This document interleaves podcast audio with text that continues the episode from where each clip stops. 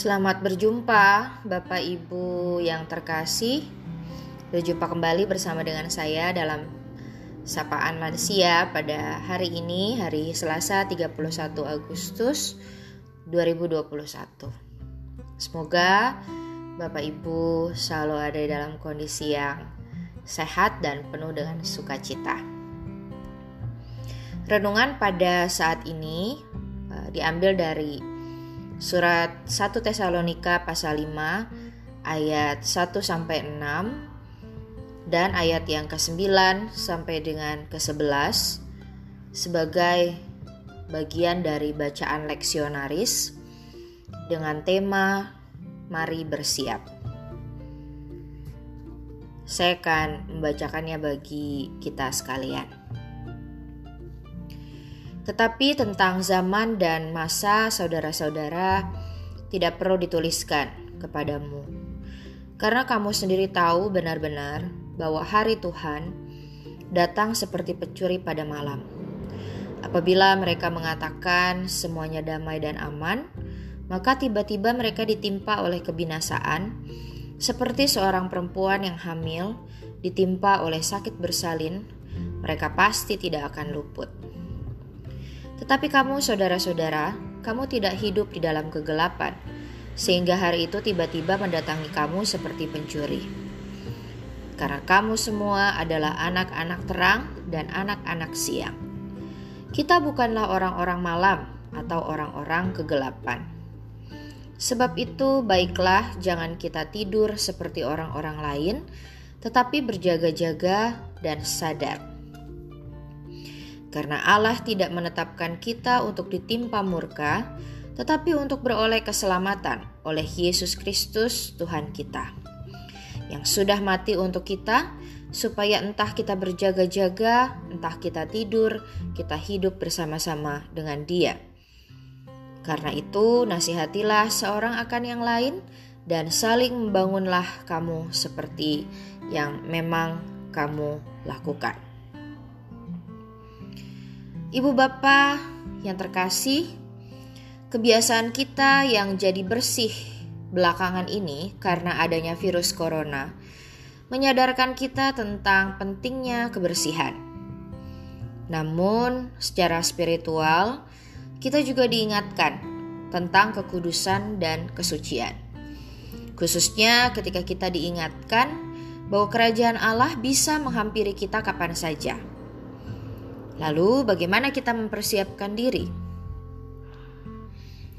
Jemaat Tesalonika menghadapi kegalauan terkait dengan pemberitaan kebangkitan daging dan merasa khawatir apakah generasi sebelum mereka pun akan selamat. Paulus mengingatkan kita, kalau kita sudah dimatikan dalam segala perbuatan dosa, maka kita juga akan hidup di dalam kekekalan bersama-sama dengan Tuhan nanti.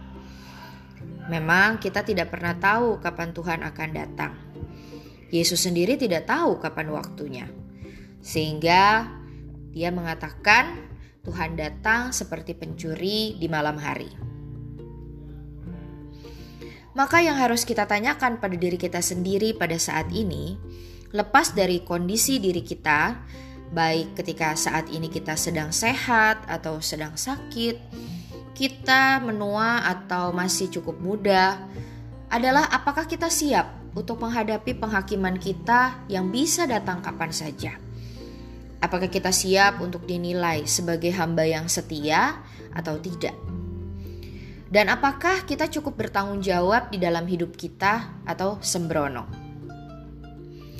Jadi, marilah kita jalani hidup kita dengan arif dan bijaksana hidup di dalam terang kebenaran Tuhan.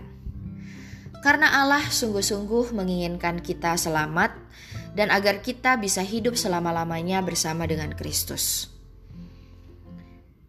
Nah, Bapak Ibu, apa yang bisa kita lakukan sebagai lansia? Pertama, mari jadikan uban putih kita sebagai penanda bahwa pengalaman hidup kita telah membawa kita kepada karakter yang lebih bijaksana. Usia yang, yang semakin matang adalah sebuah keuntungan yang dimiliki oleh lansia, sehingga para lansia bisa menasihati orang yang lebih muda. Karena itu, jadilah teladan di dalam iman, harapan, cinta kasih, dan kekudusan, serta ajarlah orang-orang muda. Selagi waktu masih ada bagi kita untuk berjumpa dengan anak cucu kita. Yang kedua, mari isilah masa lansia kita dengan semua hal yang membuat kita bahagia dan berguna bagi kita. Sakit, kelemahan, kerapuhan, Gigi yang tanggal, mata yang semakin rabun, badan yang mudah lelah adalah sesuatu yang tidak bisa kita tolak. Setiap manusia pasti akan mengalaminya. Maka terimalah dan rengkuhlah. Sayangi diri sendiri, cucu-cucu, dan bersenang-senanglah dengan sesama teman lansia. Serta belajarlah hal-hal baru yang bisa membuat otak kita tetap terasah dengan tajam. Selamat mempersiapkan diri menyambut Kristus Bapak Ibu yang terkasih dan bersukacitalah. Mari kita bersatu di dalam doa. Allah yang terkasih, aku tahu bahwa Engkau mengasihiku lebih dari apa pun. Engkau mengerti semua hal tentang diriku. Aku memohon kemampuan agar bisa merasakan cinta dan kasih-Mu tolonglah aku dan semua sahabatku yang sama-sama sudah menua bersamaku, supaya kami dapat menerima masa tua dengan pasrah berserah dan dalam keyakinan bahwa kami akan bersama-sama kembali dalam kebahagiaan kekal bersamamu. Terima kasih Tuhan. Amin. Selamat menikmati hari Bapak Ibu. Kiranya kita penuh dengan sukacita dan damai Tuhan. Tuhan Yesus memberkati.